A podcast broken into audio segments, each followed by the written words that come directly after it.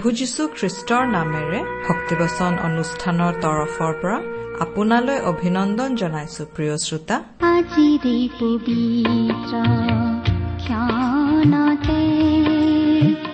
উজলি উঠা খ্ৰীষ্টৰ জ্যোতি। আজিৰে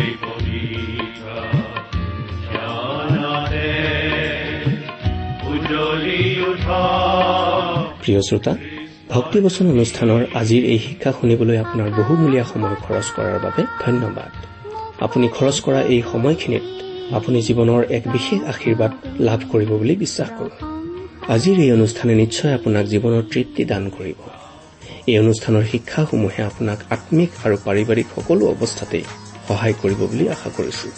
আমাৰ বিশ্বাস প্ৰভু যীশুৰ বাণীসমূহে আপোনাক প্ৰচুৰ জীৱনৰ সোৱাদ দিব পাৰে। তেওঁৰ বাক্যই আপোনাক জীৱনৰ সকলো পৰিস্থিতিত থিৰে থাকিবলৈ আৰু উন্নতিৰ পথেৰে অগ্ৰসৰ হবলৈ সহায় কৰিব। ঈশ্বৰৰ এই বাক্যৰে আপুনি যেন প্ৰতিদিন আম্মিকভাৱে অধিক বলৱান আৰু পাৰিবাৰিক শান্তিৰ জীৱন যাপন কৰিব পাৰে তাৰেই কামনা কৰিছো। এই কামনাৰে আপোনালৈ আগবঢ়াইছো বাইবেলৰ শিক্ষামূলক অনুষ্ঠান ভক্তিবচন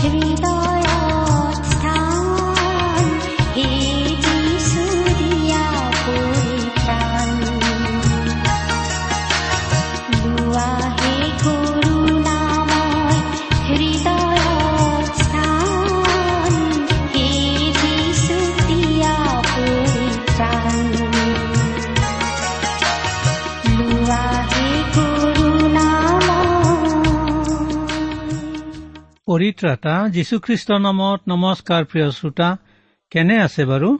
বিশ্বাস কৰো ঈশ্বৰে আপোনাক কুশলে মংগলে ৰাখিছে। লগতে বিশ্বাস কৰো যে আপুনি আমাৰ ভক্তিবচন অনুষ্ঠানৰ জৰিয়তে ধাৰাবাহিক বাইবেল অধ্যয়ন শুনি আছে। আজিৰে পৰা আমি নৱবিধানৰ আন এখন পুস্তক অৰ্থাৎ কেইটামান পাঠত আমি অধ্যয়ন কৰিবলৈ লৈছো। বাইবেলৰ নৱবিধান খণ্ডত আচলতে সেই পুস্তকখন এখন চিঠি সেই চিঠিখনতো পৌলে লিখিছে আন কেইখনমান চিঠিৰ দৰে এইকেইখনকো তেওঁ ৰোমৰ কাৰাগাৰৰ পৰাই লিখিছিল। পৌল কেনে মনৰ আৰু কিমান উৎসৰ্গিত জীৱনৰ মানুহ আছিল ভাবিলে বৰ আচৰিত লাগে। আপোনালোকৰ এই অযোগ্য দাসে কেতিয়াবা নিজকে পৌলৰ লগত তুলনা কৰি বৰ লাজ পাওঁ আৰু নিজৰ গাত নিজে ইঠু পেলাই লওঁ।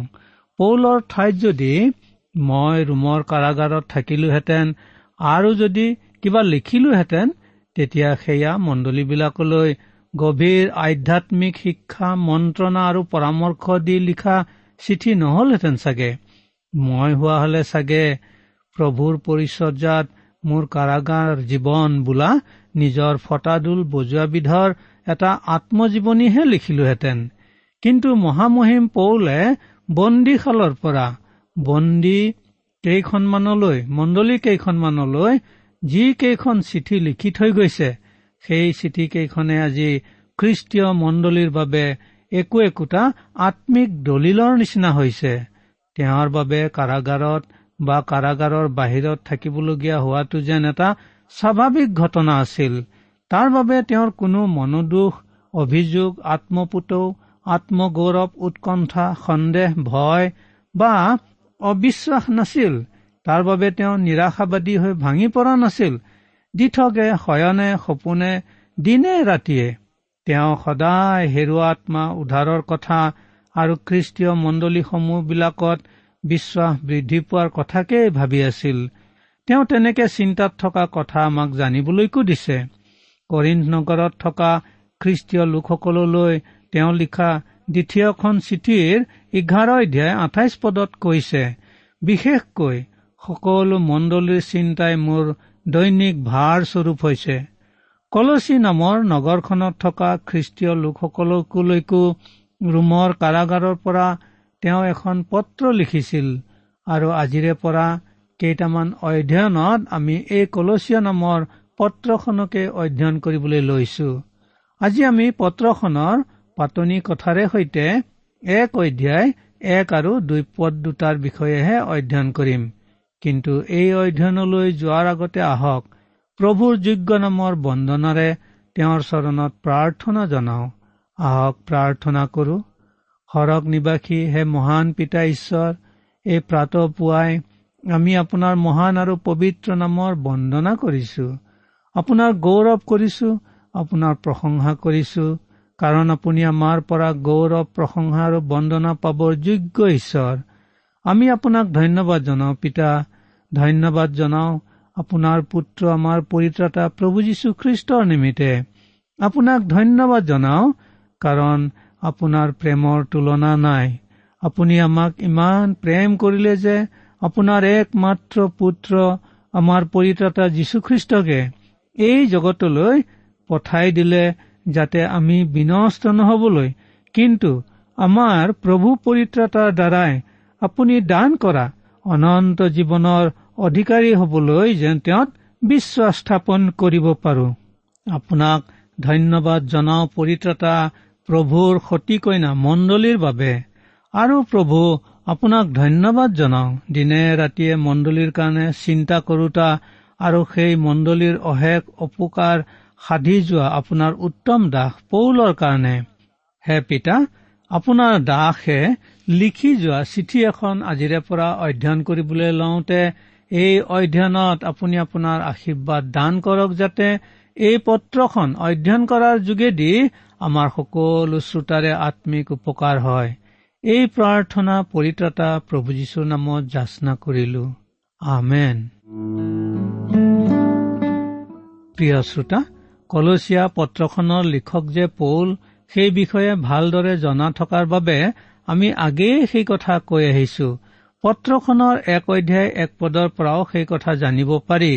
পৌলৰ কেইখনমান চিঠি কাৰাগাৰৰ পৰা চিঠিৰূপে জনা যায়। কাৰণ সেই কেইখন পত্ৰ কাৰাগাৰৰ পৰা লিখা হৈছিল। পৌলে ৰোমৰ কাৰাগাৰৰ পৰা লিখা এই পত্ৰকেইখন হৈছে ইফিচিয়া ফিলিপিয়া কলচিয়া আৰু এখন এগৰাকী ব্যক্তিলৈ লিখা ফিলিমন নামৰ চিঠিখন। কোৱা হৈছে যে বাষষ্ঠি খ্ৰীষ্টাব্দ মানত চাৰিজনকে খবৰ যোগনীয়াৰ লোক চৰকাৰৰ চকুত নপৰাকৈ ৰোমৰ পৰা ওলাই আহিছিল। কিন্তু তেওঁলোকৰ প্ৰতিজনে লগত বৰ প্ৰয়োজনীয় কাগজ পত্ৰ লৈ আহিছিল। টিচিকাছ নামৰ ব্যক্তিগৰাকীয়ে ইফিজ নগৰত থকা খ্ৰীষ্টীয় লোকসকলক উদ্দেশ্য কৰি পৌলে লিখা চিঠিখন লৈ আহিছিল। ইফিজ মণ্ডলীৰ খ্ৰীষ্টীয় ভাই ভনীসকলৰ বাবে। টিচিকাছ ইফিজ মণ্ডলীৰ পালক আছিল হয়তো। নাইবা অন্তত সেইখন মণ্ডলীৰ তেওঁ এগৰাকী নেতা আছিল। ইফা ফ্ৰডিটাছ ফিলিপিয়া মণ্ডলীৰ পালক আছিল। সেই দেখি তেওঁ সেই মণ্ডলীৰ চিঠিখন নিজেই ৰুমৰ পৰা ফিলিপিয়া মণ্ডলীৰ বিশ্বাসকাৰীসকলৰ বাবে লৈ আহিছিল। ইপাফ্ৰাই আনিছিল এই কলচীয়া পত্ৰখন যিখন আমি আজিৰে পৰা অধ্যয়ন কৰিবলৈ মানস কৰিছো তেওঁ নিশ্চয় কলচীয়া মণ্ডলীৰ এগৰাকী নেতা আছিল। উনিচিমাছে ফিলিমনৰ চিঠিখন লৈ আহিছিল। ফিলিমন উনিচিমাছৰ মহাজন আছিল। উনিচিমাছে তেওঁৰ মহাজন ফিলিমনৰ ওচৰৰ পৰা পলাই গৈছিল কিন্তু পৌলে তেওঁৰ মহাজনলৈ লিখা পত্ৰখন লৈ আকৌ তেওঁ নিজৰ মহাজনৰ ওচৰলৈ ঘূৰি আহিছিল। এই চাৰিখন চিঠিক একেলগে মণ্ডলী অধ্যয়নৰ চিঠি বোলা হয়। আমি চিঠি চাৰিখন অধ্যয়ন কৰি দেখা পাওঁ যে এইবোৰত উল্লেখ থকা বিষয়সমূহে মণ্ডলীৰ প্ৰয়োজনীয় সকলো দিশ সামৰি লৈছে। এক ইফিচিয়া পত্ৰই বিশ্বাসকাৰীসকলৰ যিটো অনুষ্ঠান বা সমাজ বা গোট সেই মণ্ডলীৰ বিষয়ে কৈছে।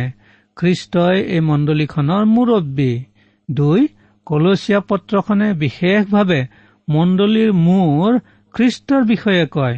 শৰীৰটো অৰ্থাৎ বিশ্বাসকাৰীসকলৰ সমষ্টি গোট বা সমাজটো গৌণ কথা মূৰটোহে মুখ্য কথা। কলচিয়াত জোৰ আৰোপ কৰি কোৱা হৈছে যে খ্ৰীষ্টই ঈশ্বৰৰ সম্পূৰ্ণতা যাক গ্ৰীকত প্লেৰমা বোলা হৈছে। তিনি ফিলিপিয়া পত্ৰখনে কয় যে মণ্ডলীখন জগতখনত আছে। খ্ৰীষ্টীয় জীৱন ধাৰণটোৱেই এই পত্ৰখনৰ বিষয়বস্তু। মণ্ডলী জীৱনত খ্ৰীষ্টীয় আচৰণটোৱে ঘাই বিষয় আৰু খ্ৰীষ্ট হ'ল এই খ্ৰীষ্টীয় জীৱন আচৰণৰ কেন্দ্ৰবিন্দু। ফিলিপিয়া পত্ৰই খ্ৰীষ্টই নিজকে শূন্য কৰি দাসৰ ৰূপ লোৱা কথাটোত জোৰ আৰোপ কৰিছে। গ্ৰীকত যাক কেনচিছ বোলা হৈছে। চাৰি ফিলিমন পত্ৰখনে আমাক দেখুৱাইছে যে খ্ৰীষ্টীয় বিশ্বাসটো এটা তাত্বিক বিষয় বা মুখৰ কথা নহয় কিন্তু ই হৈছে এক ব্যৱহাৰিক জীৱন কাৰ্যত বা আচৰণত প্ৰকাশ পোৱা জীৱন। পৰজাতীয় লোকৰ মাজত কাৰ্যত প্ৰকাশ কৰি দেখুওৱা খ্ৰীষ্টীয় জীৱন এই পত্ৰখনে প্ৰদৰ্শন কৰি দেখুৱাইছে। এইদৰে এই চিঠি চাৰিখনে মণ্ডলীৰ সকলো দিশ সামৰি লোৱা দেখি চিঠি চাৰিখনক একেলগে মণ্ডলী অধ্যয়নৰ চিঠি বোলা হয়। লায়দকীয়া আৰু হিয়েৰাপলিছ নগৰ দুখন থকা অঞ্চলতে এই কলচী বোলা ঠাইডোখৰ অৱস্থিত আছিল। দেখা লোকসকলে কয় যে নগৰখনৰ ভগ্নাৱশেষ দেখা পোৱা যায় কিন্তু কোনো গীৰ্জাগৃহৰ ভগ্নাৱশেষ দেখা পোৱা নাযায় কাৰণ তাত কোনো গীৰ্জাগৃহ তৈয়াৰ কৰা হোৱা নাছিল। কলচীয়া মণ্ডলীৰ বিশ্বাসকাৰীসকলে জৰুৰ ফিলিমনৰ ঘৰতেই সমবেত হৈ প্ৰভুৰ সেৱা আৰাধনা কৰিছিল। তেওঁৰ ঘৰত তেনে আহল বহল ঠাই নিশ্চয় আছিল চাগে। কলচী নগৰ অৱস্থিত অঞ্চলটো বহু জনসংখ্যা আৰু সভ্যতাৰ বঁটা পোৱা অঞ্চল আছিল। এই অঞ্চলটো কম বেছি পৰিমাণে প্ৰাইচৰ দেশসমূহৰ কাৰণে এক দুৱাৰ দলি আছিল। এই অঞ্চলতেই পূব আৰু পশ্চিমৰ সংগম ঘটিছে। ইয়াতেই ৰোমিঅ সম্ৰাটে প্ৰাইচক পোহ মনাবলৈ আপ্ৰাণ চেষ্টা চলাইছিল যাতে গোটেই প্ৰাইচৰ দেশসমূহকে ৰোমিঅ শাসনৰ অধীন কৰিব পাৰি। লায়দকীয়া ফিলাডেলফিয়া চাৰ্ডিছ থুয়াতিৰা আৰু পৰগাম নগৰৰ দৰে কলচী নগৰখনো দুৰ্গৰ নগৰ আছিল যাতে প্ৰাইচৰ শত্ৰুৰ আক্ৰমণ প্ৰতিৰোধ কৰিব পাৰে। কিন্তু পাচনি পৌলৰ সময়ত তেনে আক্ৰমণৰ ভয় নাইকিয়া হৈ আহিছিল। কাৰণ তেতিয়া মানে ৰোমান সাম্ৰাজ্যই গোটেই জগতখনতেই নিজৰ ৰাজ্য বহলাই ৰাজত্ব কৰিছিল। তাৰ পৰিণতিতেই পৌলৰ সময়ত পৰজাতীয় লোকৰ আচৰণ আৰু মাৰাত্মক অনৈতিকতাৰ প্ৰভাৱেৰে প্ৰভাৱিত হৈছিল। সেয়ে কলচী নগৰখনো তেনে বধ প্ৰভাৱৰ পৰা ৰেহাই পোৱা নাছিল। বাইবেলৰ বিৱৰণবোৰ পঢ়িলে গম পোৱা যায় যে পৌলে হয়তো কলচী নগৰলৈ এবাৰো যোৱা নাছিল। কলচীলৈ পৌল কিয় যোৱা নাছিল? খুব সম্ভৱ পৌলে এনে চুটি বাটেৰে ইফিচলৈ গৈছিল যি বাটেৰে গলে কলচী নগৰখন ফালৰি কাটি যাবলগীয়া হয়। কিন্তু পৌল যদিও কলচী নগৰলৈ কেতিয়াও যোৱা নাছিল তথাপি কলচী নগৰৰ মণ্ডলীখন তেওঁৰ যোগেদিয়ে স্থাপিত হৈছিল। ইপাফ্ৰাছ আছিল সেই মণ্ডলীখনৰ পালক বা অন্তত মণ্ডলীখনৰ নেতা আৰু এক প্ৰকাৰে হাতে কামে মণ্ডলীখন গঠন কৰাত তেওঁৰ পোনপটীয়া অৰিহণা আছিল। হলেও পৌলেহে মণ্ডলীখনৰ প্ৰকৃত স্থাপক আছিল। পৌলে কলচীয়া মণ্ডলীখন গঠন কৰা ধৰণেই ৰোমত থকা মণ্ডলীখনকো গঠন কৰিছিল।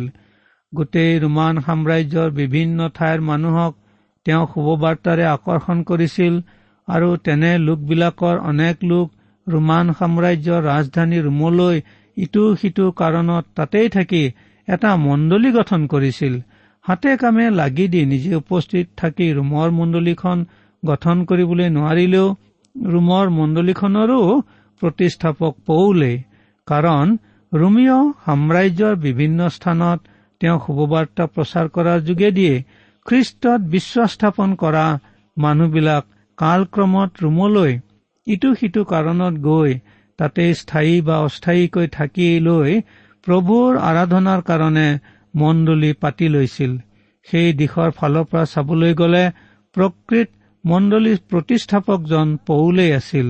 ইয়াৰ পৰা এটা স্পষ্ট আভাস পাব পাৰি কিমান বিস্তাৰিতভাৱে পৌলে শুভবাৰ্তা প্ৰচাৰ কৰিছিল। আৰু কিমান হেৰুৱা আত্মা তেওঁৰ শুভবাৰ্তা প্ৰচাৰৰ যোগেদি প্ৰভু যীশু খ্ৰীষ্টৰ ওচৰলৈ আহি তেওঁৰ চৰণত শৰণ লৈছিল। হ'ব পাৰে যে পৌল কলুচীলৈ নগলেও লায়দকীয়া আৰু ইফিছৰ মূল মণ্ডলীৰ পৰা আহিছিল আৰু কলচীত শাখামণ্ডলী খুলিছিল লায়দকীয়া আৰু ইফিছৰ বিশ্বাসকাৰীসকলেই। এই কলচী মণ্ডলী ইফিছ মণ্ডলীৰ পৰা প্ৰায় এশ মাইলমান আঁতৰত আছিল।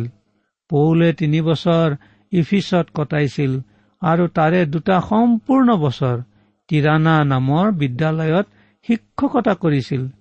সেই অঞ্চলত তেতিয়া সমাজ সভ্যতাৰ প্ৰবল জাগৰণ হৈছিল আৰু ৰোমিঅ কলাকৃষ্টিৰ কেন্দ্ৰস্থল হৈ পৰিছিল। কিন্তু আজি যিটো ভূখণ্ডক তুৰ্কিস্থান নামে জনা যায় তেতিয়া সেই এছিয়া মাইনৰত গ্ৰীক কলাকৃষ্টিৰ প্ৰভাৱ আছিল বেছি। এই অঞ্চলতে পৌলে তেওঁৰ সহকৰ্মীসকলৰ সৈতে সুবাৰ্তা বিস্তাৰ কৰাৰ অধিক কাম কৰিছিল। সেই সহকৰ্মীসকল আছিল জোহন মাৰ্ক বাৰ্ণবাছ চিল আৰু তিমঠিয় লগত নিশ্চয় আন আন সহকৰ্মী সকলো আছিল। পাচনি জোহনে এই ইফিচ মণ্ডলীৰ পালক আছিল। এছিয়া মাইনৰ অঞ্চলখন আছিল সাংস্কৃতিক আৰু কলাকৃষ্টিৰ প্ৰধান অঞ্চল। কিন্তু তাৰ লগে লগে এই অঞ্চলটোত নানা মতৰ নানা দল উপদল আৰু নাভূত নাচৰুত ধৰ্মীয় দলবোৰে গা কৰি উঠিছিল। এনে এটা দলৰ সৃষ্টি হৈছিল যিসকলে শিকাইছিল যে তেওঁলোকৰ মতবাদৰ শিক্ষাৰ দ্বাৰাই মানুহ সম্পূৰ্ণ সিদ্ধ হ'ব পাৰে। সেয়ে পৌলে সেইদৰে দিয়া ভুল শিক্ষাৰ বিৰুদ্ধেও সতৰ্কবাণী দিবলগীয়া হৈছিল আৰু স্পষ্ট ভাষাত কৈছিল যে সিদ্ধতা কেৱল যীশুখ্ৰীষ্টতেহে লাভ কৰিব পাৰি। আন এটা এনে নাভূত নচৰুত দলে প্ৰচাৰ কৰি ফুৰিছিল যে বোলে ঈশ্বৰে বিশ্বব্ৰহ্মাণ্ডখন পোনপটীয়াভাৱে সৃষ্টি কৰা নাছিল কিন্তু তেওঁ এবিধ জীৱপ্ৰাণী সৃষ্টি কৰিলে আৰু সেই জীৱপ্ৰাণীয়ে আৰু অধিক বস্তুৰ সৃষ্টি কৰিলে আৰু অৱশেষতহে এজনে বিশ্ব ব্ৰহ্মাণ্ডৰ সৃষ্টি কৰিলে। এইবিলাক আছিল কাম নোহোৱা ভূতৰ আত্মাই লম্ভা মানুহৰ কথা আৰু মতবাদ। এনেকুৱা মানুহবিলাকৰ কাৰণে উপযুক্ত স্থান কোনটো হ'ব জানেনে? সঁচা আমাৰ তেজপুৰৰ পগলা ফাটেকটো। সেয়ে পৌলে কলচীয়া মণ্ডলীত থকা ভাই ভনীসকলক এনেকুৱা শিক্ষাৰ বিৰুদ্ধে সতৰ্ক কৰি দিবলগীয়া হৈছিল। কলচীয়া এক অধ্যায় পোন্ধৰ পদৰ পৰা ঊনৈশ পদ আৰু দুই অধ্যায় ওঠৰ পদ। এওঁলোকে প্ৰভু যীশুকো সৃষ্ট ব্যক্তি বুলি শিক্ষা দিছিল। আন শ্ৰেণী আছিল যিসকলে দিয়া শিক্ষা জ্ঞানৰ শিক্ষা যেন দেখা গৈছিল কিন্তু সেইবোৰেৰে মাংসৰ অভিলাষ দমন কৰিব পৰা নগৈছিল আৰু সেয়ে সেই ভুৱা শিক্ষাৰ বিৰুদ্ধেও কলচীত থকা খ্ৰীষ্টীয় লোকসকলক সাৱধান কৰি দিবলগীয়া হৈছিল। কলচীয়া দুই অধ্যায় ষোল্ল পদ তেইছ পদ আৰু তিনি অধ্যায় পাঁচ পদৰ পৰা ন পদ। কলচী নগৰত থকা মণ্ডলীখনে যিটো আধ্যাত্মিক সমস্যাৰ সন্মুখীন হৈছিল সেইটো আছিল হয় এফালে নহয় আনফালে চৰম পন্থালৈ আঁতৰি গুচি যোৱা। মণ্ডলীয়ে অতিপাত নিয়ম নীতি পৰম্পৰা আৰু আনুষ্ঠানিকতাত জোৰ আৰোপ কৰি মণ্ডলীৰ প্ৰকৃত আধ্যাত্মিক উন্নতিৰ কথাত অৱহেলা কৰাৰ নিচিনা বিপদ কলচীয়া মণ্ডলীৰ সন্মুখত যেনেকৈ উপস্থিত হৈছিল সেই ঠিক তেনেকৈ আনহাতে খ্ৰীষ্টীয় জীৱনৰ ব্যৱহাৰিক আচৰণৰ কথা জলাঞ্জলি দি গোটেই খ্ৰীষ্টীয় শিক্ষাটোকে দৰ্শনবাদৰ অথাই সাগৰত নিমজ্জিত হবলৈ এৰি দিয়াৰ বিপদো তেওঁলোকৰ দুৱাৰ দলিত থিয় দিছিলহি। এফালে কেৱল আনুষ্ঠানিকতা গতানুগতিকতাৰে নিৰহ জীৱন প্ৰাণহীন খ্ৰীষ্টীয় বিশ্বাস আনফালে আকৌ প্ৰকৃত ব্যৱহাৰিক খ্ৰীষ্টীয় আচৰণক একাটি কৰি থৈ খ্ৰীষ্টীয় জীৱনটোক পাৰ নথকা প্ৰশান্ত মহাসাগৰৰ সদৃশ বিশাল দৰ্শনবাদত হাবাডুবু কৰি মৃত্যুৰ মুখলৈ ঠেলি দিয়াৰ নিচিনা বিপদজনক সমস্যা কলচীয়া মণ্ডলীখনে সন্মুখীন হৈছিল। দুয়োটাই চৰম দুয়োটাই ক্ষতিকাৰক। এটা হৈছে চেঁচা বৰফৰূপ আনুষ্ঠানিকতা আৰু গতানুগতিকতাত গোট মৰা বিপদ আৰু আনটো হৈছে উতলি থকা উত্তপ্ত পানীৰ পৰা বাহিৰ হোৱা ভাৱস্বৰূপ উদাৰ পন্থা আৰু ভুৱা দাৰ্শনিক শিক্ষাত উৰি গৈ নাইকিয়া হোৱা বিপদ। কিন্তু প্ৰভু যীশুৱে কৈছিল যে জীৱনৰ জল তেওঁ জীৱনৰ জল।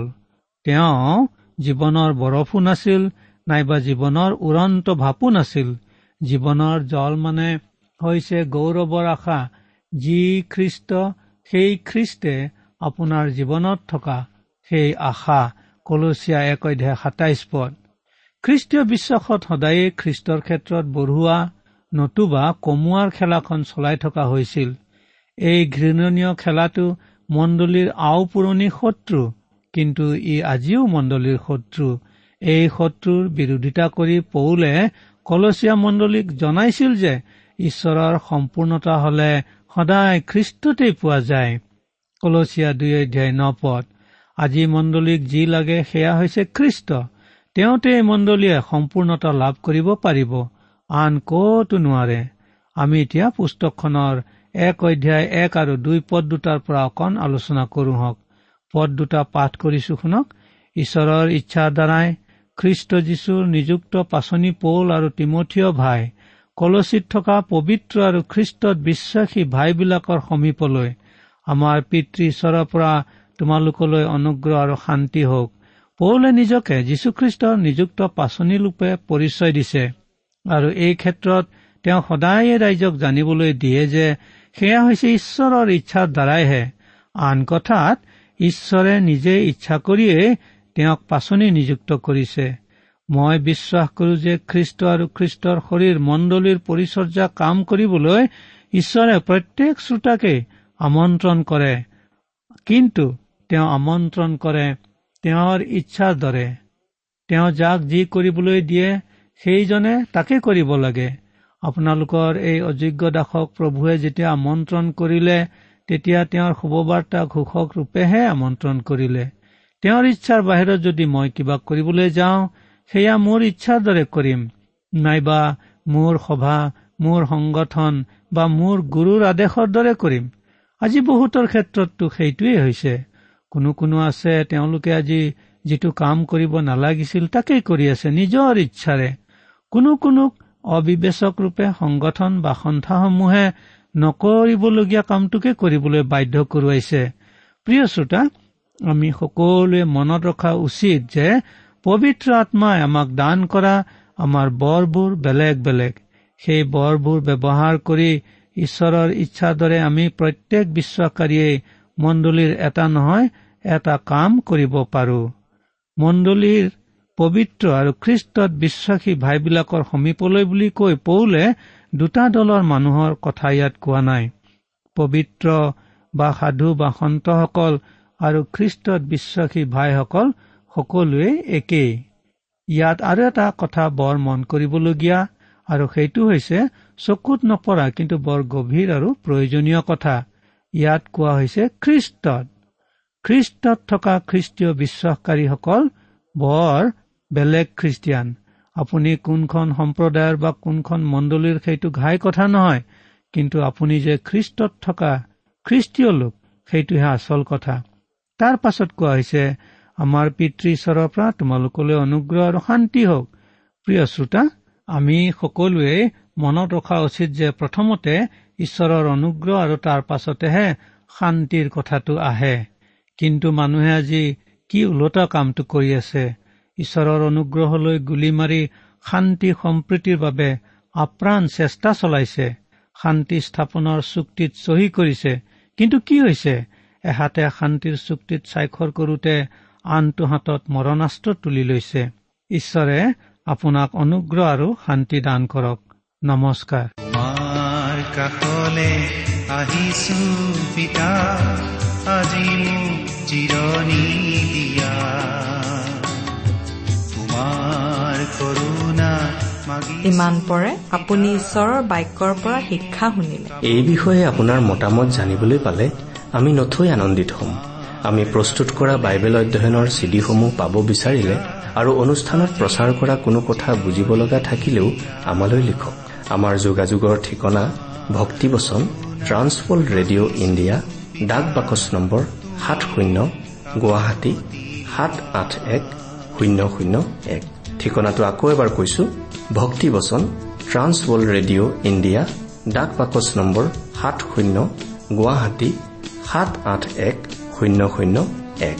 আমাৰ ইমেইল এড্ৰেছটো হৈছে Assamese T TV at the rate radio' eight eight two dot com জীৱন বাট ইমান নিৰাশা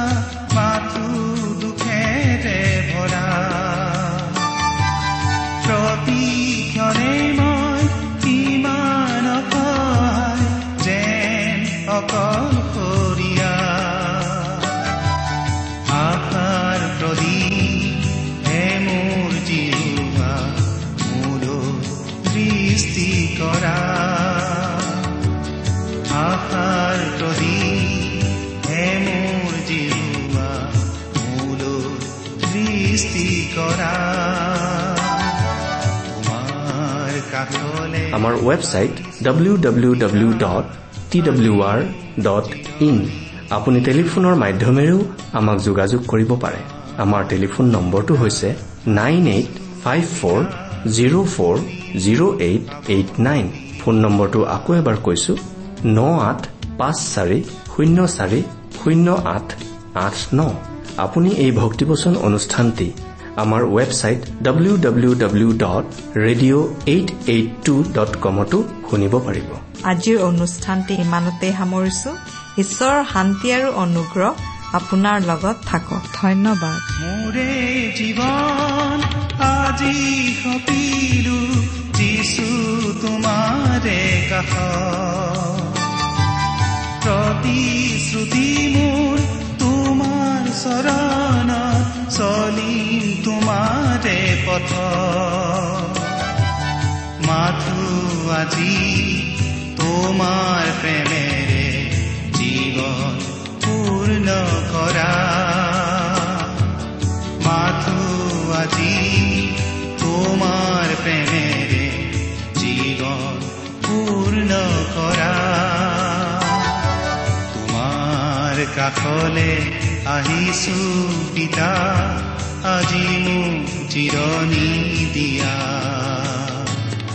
তোমাৰ কৰোণা মাগিছো পিতা তুমি মোক সাৱতি লোৱা। তোমাৰ কাষলে আহিছো পিতা আজি মোক জিৰণি দিয়া। তোমাৰ কৰোণা মাগিছো পিতা তুমি মোক সাৱতি লোৱা তুমি মোক জিৰণি দিয়া। তুমি মোক সাৱতি